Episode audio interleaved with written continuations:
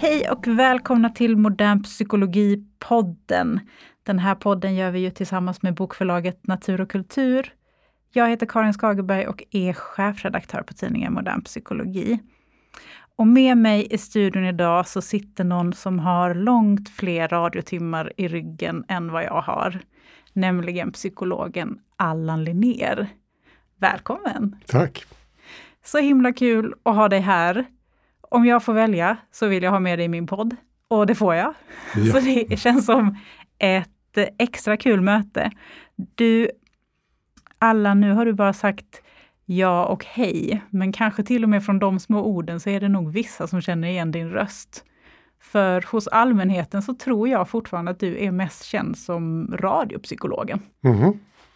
Eller i alla fall före detta radiopsykologen, för det var några år sedan du var det, men i mångas minne så är du fortfarande, eh, du höll ändå på med det där i sju år. Ja, så var det. Mm. Eh, Sveriges Radio P1, radiopsykologen.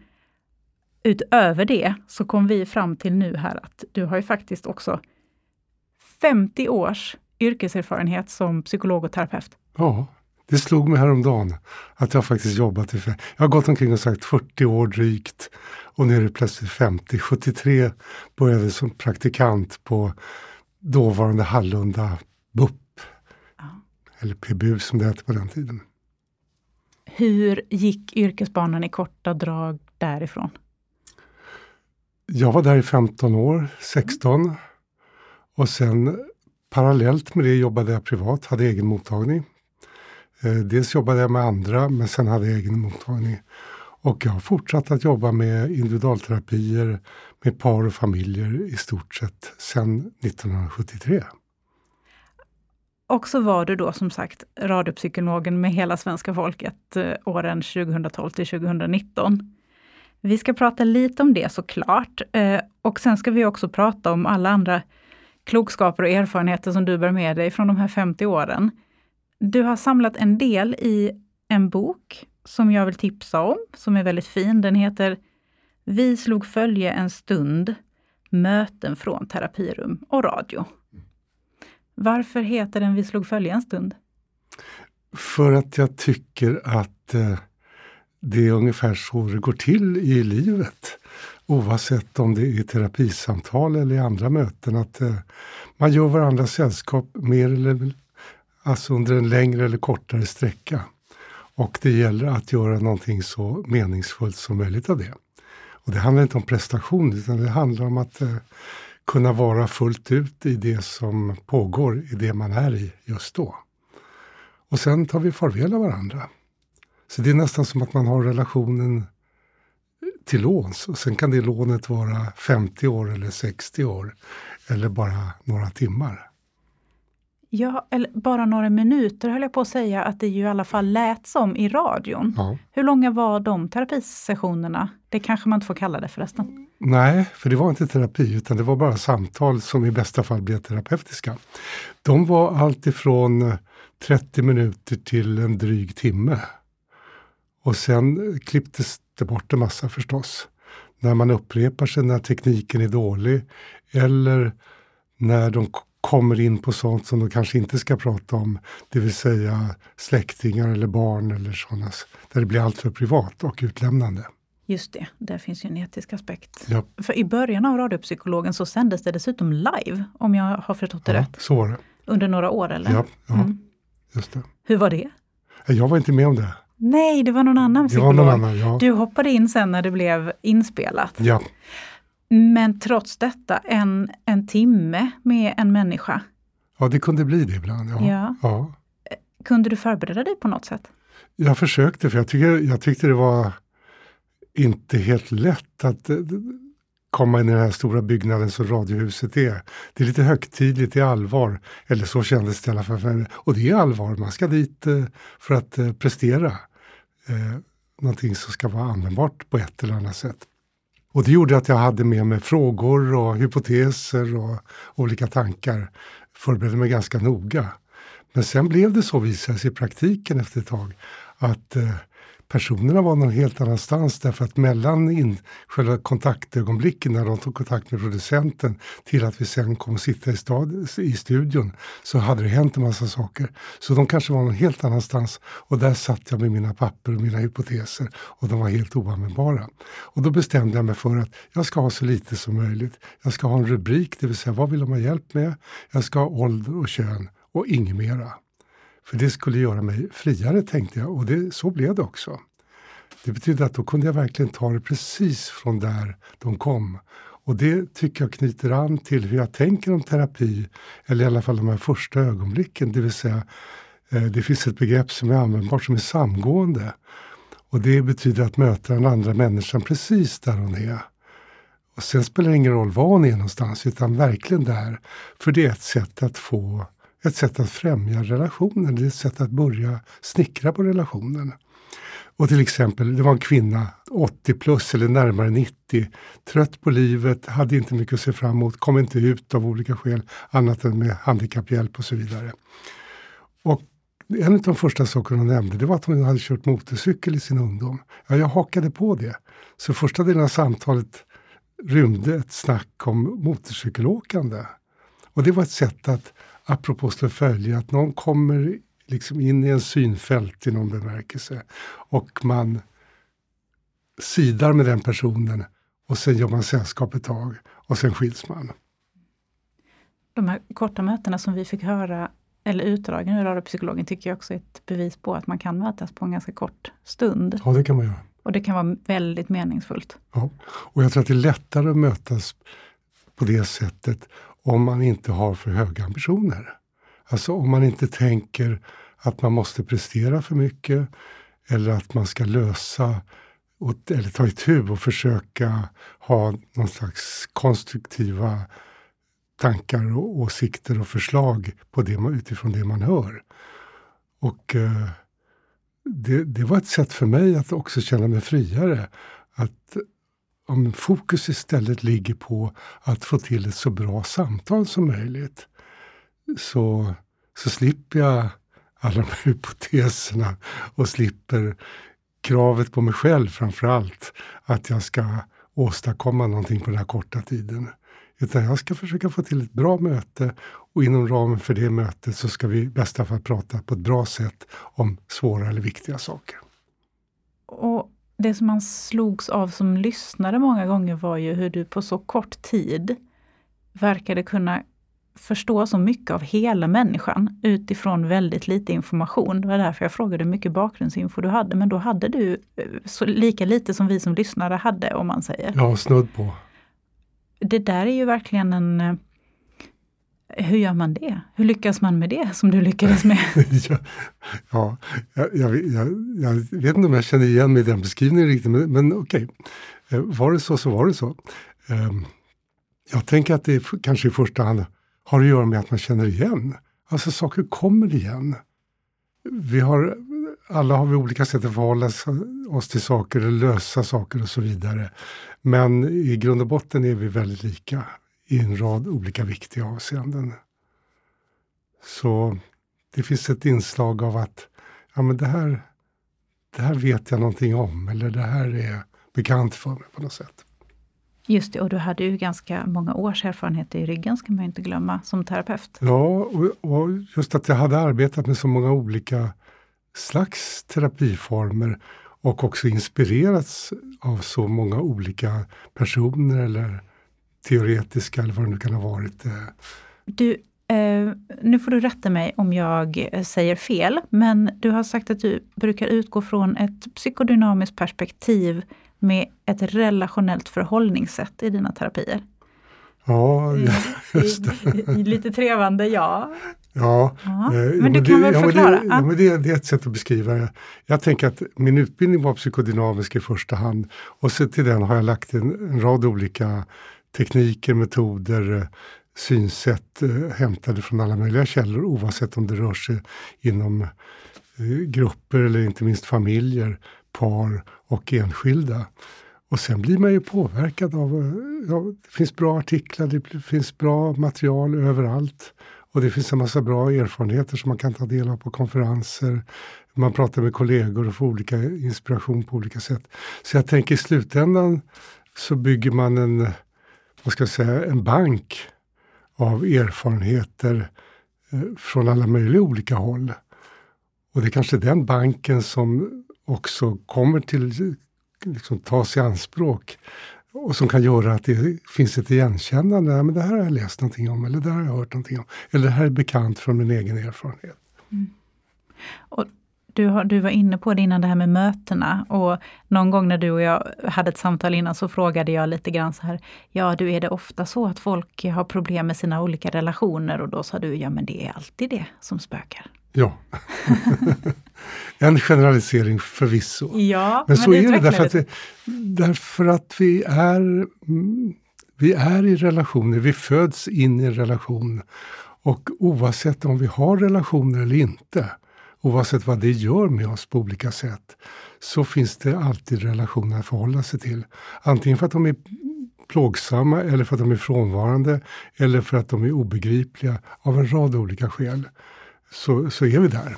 Och för att prata lite om att du har en psykodynamisk utgångspunkt från början i din utbildning. Vi pratar om det här relationella och, och ursprungsrelationernas betydelse. Sådär. Mm. Men det är inte bara det, utan det är även relationer här och nu som du pratar om som problem, tänker jag. Ja, i allra högsta grad. Och det, och det sen vad, vad, man lägger betoningen, det får varje liksom, enskilt ögonblick avgöra.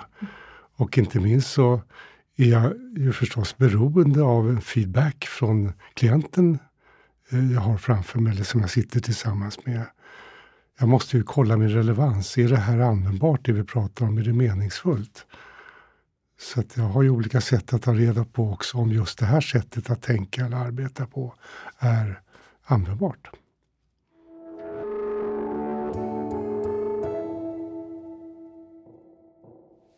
Du, nu har du alltså 50 års erfarenhet av att arbeta som psykolog, som terapeut och för många så är ju psykologen och terapeuten den enda personen som vet ens allra innersta, som bär faktiskt på ens hemligheter i många fall. Mm. Och du har ägnat ett helt yrkesliv åt att bära andra människors hemligheter och berättelser. Hur är det? Det korta svaret är att det är berikande. Det, det, det gör mig till en rikare person. Jag vet inte om det gör mig till en bättre terapeut. Det finns ingen automatik med det. Nödvändigtvis. Men jag tänker att eh, jag har ju behållning av att sitta och ta del av människors historia. Och det, det är en ynnest att få så många berättelser om det mest privata eller det som pågår i en familj eller det som pågår inne i en människas själ. Och det, ja, jag kan inte säga andra. Det är nog det första ordet jag tänker på, att jag blir rikare av det. Har du någonsin tagit med dig jobbet hem? Någonsin. På, påverkade det dig på något sätt ja, i privatlivet? Ja, ja, ja det, är på, det, det är klart. Det, alltså, om vi nu ska börja tjata lite grann om de här 50 åren, ja, så har det på, påverkat mig på gott och ont. Visst. Jag, jag, tar med, jag, jag tar med det hem, men successivt så tycker jag också att jag har hittat sätt utan att egentligen jag behövt att vara särskilt disciplinerad att lämna det bakom mig. Och ett sätt att det finns alltid sånt som ligger kvar. Saker jag kunde ha sagt, saker jag kunde ha gjort eller den andras smärta eller ensamhet. Oavsett vad det handlar om så kommer det alltid finnas saker som ligger kvar. Men jag kan också hitta ett sätt att lägga dem åt sidan. Mm. Har du blivit bättre på det genom åren? Ja, det tycker jag nog. Det tycker jag. Mm. Jag vet ju också att du eh, fram till nyligen kanske fortfarande bedriver parterapier tillsammans med din fru. Mm. Alltså ni två ger tillsammans andra par terapi. Förstår jag det rätt då? Man sitter fyra personer i rummet? Man sitter fyra personer i rummet, ja. kan ni bolla sinsemellan eh, vad ni eh, går igenom på jobbet då? Det kan vi göra och det gör vi. Och, och inte bara det, utan vi försöker också bolla med varandra när vi sitter tillsammans med paren eller tillsammans med familjerna. Därför ser vi till att vi alltid sitter mitt emot varandra för att snabbt, enkelt kunna läsa av varandra.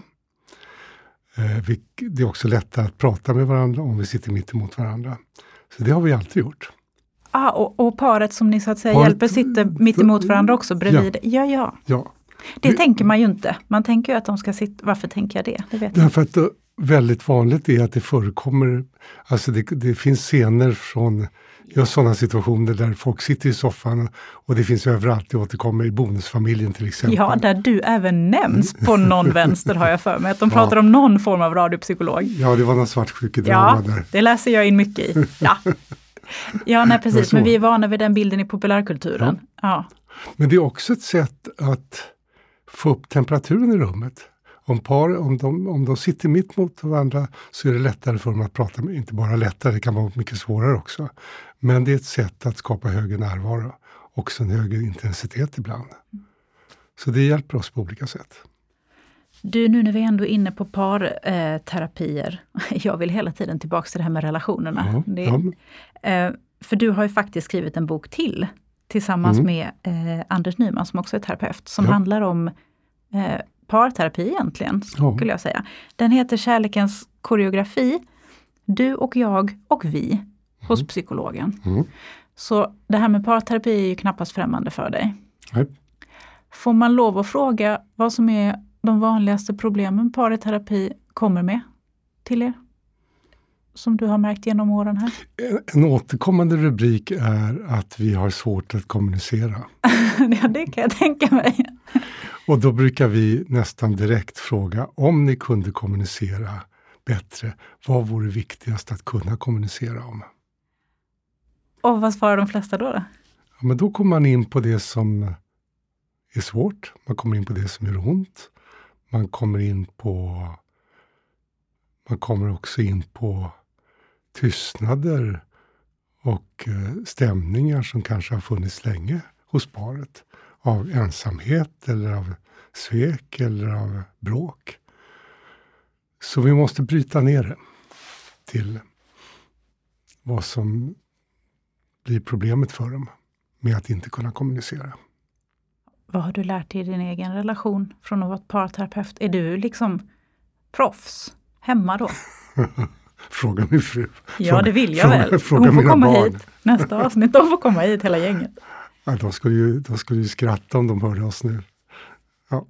Ja, det är så. Du är som han i den där... finns en serie som heter In Treatment med en terapeut som verkligen inte har koll på läget. Men du är bara människa, ska vi Ja, säga så då? Såklart. Mm. Men Såklart. någonting antar jag att du har tagit med dig? Att det finns lärdomar från, eh, från terapirummet som... Kan man applicera dem på sitt eget liv när man är terapeut?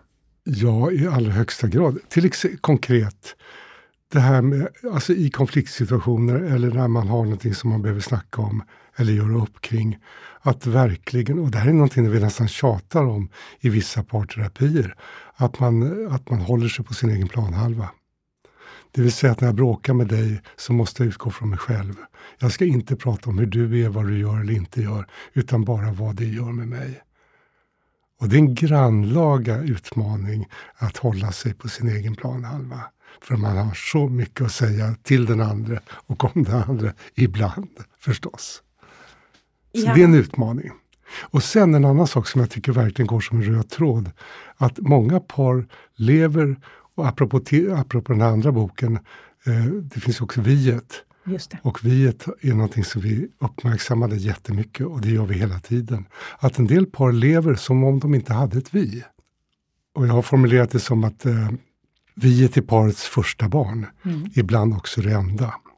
Så när det kommer så är det ja, som ett litet barn just, det är därför vi använder den metaforen. Det måste omhuldas, det måste vårdas, det måste uppmärksammas på olika sätt.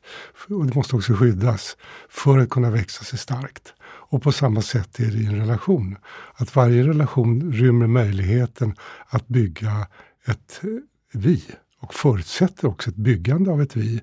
Men en del par beter sig inte som om de hade ett vi, eller de har ett vi förstås, men det är så, form, det är så löst formulerat eller så annorlunda formulerat att det ställer till det för dem snarare än att det berikar dem. Till exempel, eh, kan jag ta hem Kalle på middag en fredagkväll utan att ringa dig, utan att fråga dig? Kan jag lägga ut tusen spänn av hushållskassan utan att fråga dig? Vad kan jag göra, vad kan jag inte göra? Så, för att det ska lira med vår uttalade eller mer eller mindre outtalade överenskommelser. Och då kan man behöva hjälp att hitta tillbaks, eller hitta ett vi? Ja, hitta ett vi, ja. ja. Nu var vi inne på parterapier och vad eh, människor i parterapi har problem med. Eh, vårt förra avsnitt handlade just om det, om varför många inte vill gå i parterapi, för det är lite läskigt. Men mm. eh, då var vi också inne på det här att det kan göra ganska stor skillnad i en relation att en person går i terapi. Ja. Eller, och då är frågan, alla dessa år som psykolog och terapeut, du har jobbat med unga, du har jobbat med äldre, du har jobbat med par och familjer. Mm. Om vi pratar om in, individualterapier, ser du någon röd tråd eh, i ämnen som går igen där? Vad söker folk hjälp Individualterapier? Ja. Alltså det är lättare, ja, jag kanske kan säga saker som jag tycker återkommer.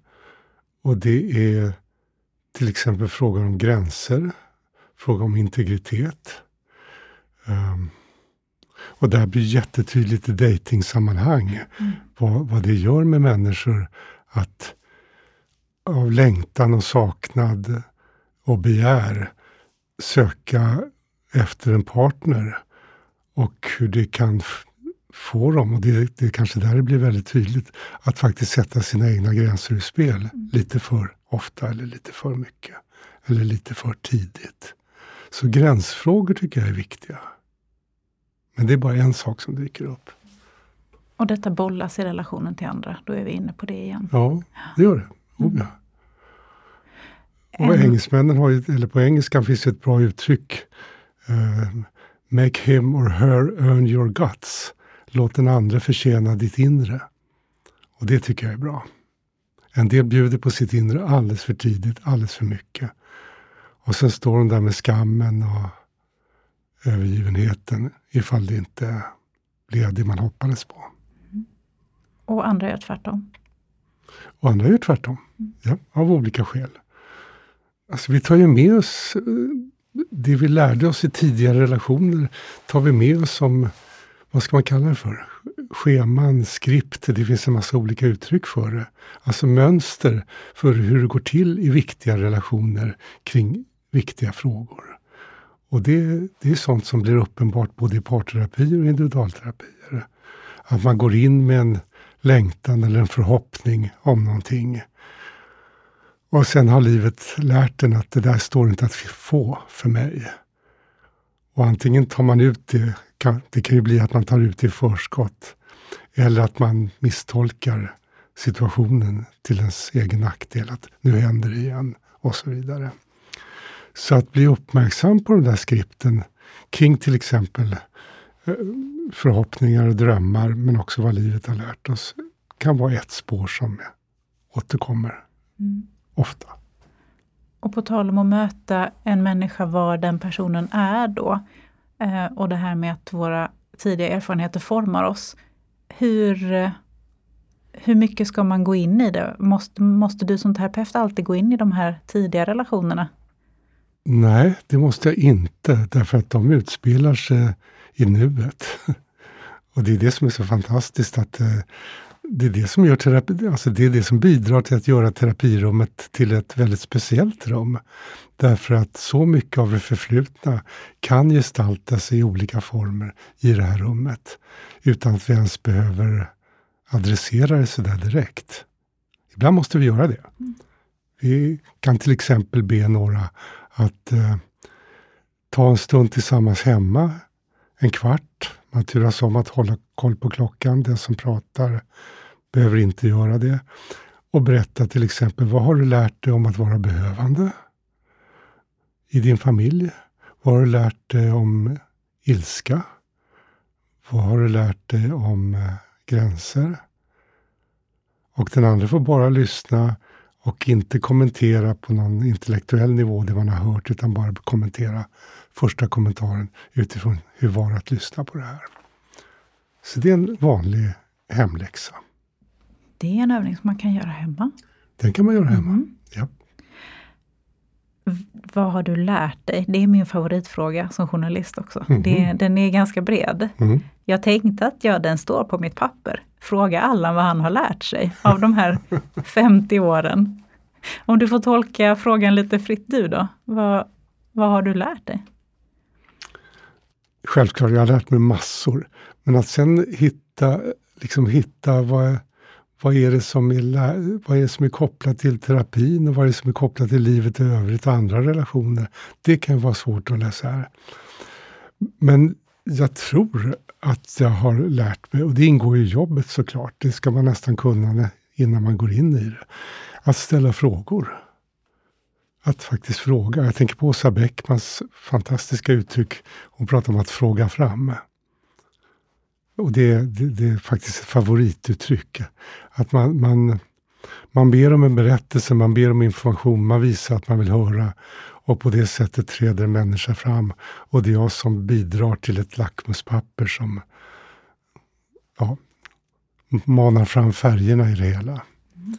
Men det är inte frågan som teknik, för det kan bli mekaniskt såklart, utan det, det, är att fråga utifrån sin egen nyfikenhet. Att faktiskt låta sina egna ja, behov, om man ska kalla det för någonting, eh, finnas med.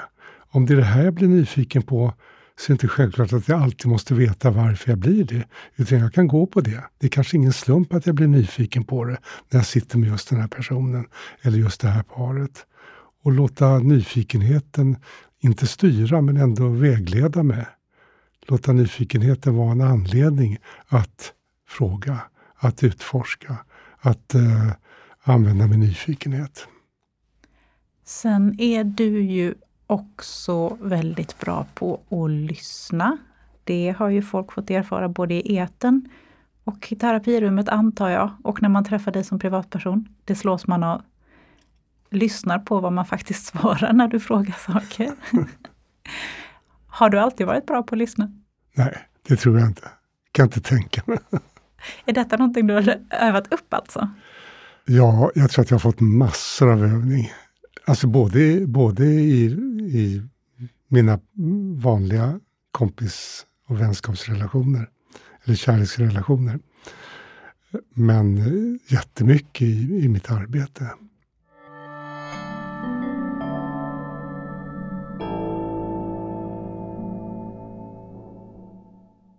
I din eh, bok, den första boken vi nämnde, som handlar om just det här om dina möten i terapirum och radio, så tar du upp lite olika uttryck. Mm. Eh, andras och egna. Och en grej som du tar upp eh, är någonting som du kallar för delfinmänniskor. Mm. Och nu minns inte jag varför de kallas för det, men det hoppas jag att du gör. Ja. ja. ja. Jag läste en artikel i någon av morgontidningarna för ett antal år sedan. Och det handlade om att man någonstans i Amerika tror jag att det var, att man lät äldre personer och även barn eh, vara tillsammans med delfiner i havet. Eller man hade en bassäng eller någonting ingärdat, omgärdat. Och de fick eh, just vara med delfiner i egen takt. Och vad som hände var att eh, delfinerna var där, för delfiner är lekfulla och buffade, nosade, ja, samspelade med människorna. Och det visade sig efteråt att många av dem blev mindre, för de var deppiga, kan man säga. Kanske var det som kännetecknade urvalet av gruppen. Eh, att de, de, var deprimerade. Deras depression försvann inte förstås, men den lättade påtagligt för många av dem under tid. Alltså eh, för en tid framåt. Sen vet jag inte vad som händer längre fram. Och det, det tycker jag var fascinerande. Och det, det, sen gick, vet jag inte hur den där artikelserien fortsatte. Jag minns inte det riktigt. Men för mig var det en bra metafor. Och jag tänker att delfinerna, hur kommer det sig att delfinerna kunde bidra till att människors depressioner eller svackor lindrades nog? Jo, därför att jag tror att delfinerna var som för att låna Winnicotts uttryck, alltså det, den tillräckligt goda mamman. Och vad, hur är den tillräckligt goda mamman eller modern? Jo, hon är någon som finns där, som buffar, leker, men har en superkoll på gränser. Som inte är för yvig, inte för snabb, kanske inte heller för långsam, utan anpassar sitt samspel till barnets vad ska jag säga, känslighet. Men inte så att det blir ett passivt, en passiv anpassning, eller vad ska jag säga, inte, utan också buffar tillräckligt mycket så att det också rymmer en utmaning. Och det tycker jag är intressant och jag tänker att det är precis vad terapeuter gör. Ja precis, för vi pratar om delfinmänniskor i människors liv. Men ja. det kan, det, en delfinmänniska kan alltså vara en terapeut? Det kan vara en terapeut, ja.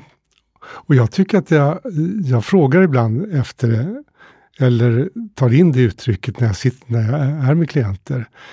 Jag frågar, finns det någon som har den funktionen att vara liksom ett gott sällskap som känner dig och som kan både utmana dig men också utgöra någon slags balsam vid behov. Och ibland har de det, ibland har de det inte. Och då, ibland får du hoppa in, höll jag på att säga. Ja, i bästa fall så är det väl... Alltså jag, en delfin har inte så mycket egna behov annat än kanske i den stunden leken. Jag är inte där för att leka, men jag har ju mina behov såklart. Men mina behov ska inte styra över på bekostnad av din situation, självklart. Delfinmänniskor, det kan man tänka på om man eh, vad, vilka delfinmänniskor eller delfinmänniska man har i sitt eget liv. Ja. Mm. Och du fortsätter jobba Allan. Ja. Är, flockas folk till din mottagning för de vet att det är radiopsykologen? Är det så fortfarande? Jag får, jag får förfrågningar fortfarande, ja. Det är kul. Och, ja. Eh, fast jag har gått ner i tid. Jag har lite, själv, lite självbevarelsedrift och lite självinsikt. Så att jag tänker att det är snart dags att eh, lägga ner, kanske. Men jag har minskat i alla fall. Ja, jag minns vi hade någon intervju med dig och eh, eh, när du var radiopsykolog och även med producenten för programmet då och då eh, sa hon att i slutet där av de åren som radiopsykolog, då var det många som hörde av sig just för att de faktiskt ville prata med just dig. Mm. Och att det eh, kan ha lockat lite folk till dig därefter. Um, men då, kan, då finns det ju goda nyheter om man fortfarande skulle vilja ha tag i alla. Så han jobbar lite grann hörni. Så då är, då är det bara att leta reda på dig. Ja. Du Allan, tusen tack för att du kom hit och delade med dig av dina klokskaper. Tack själv.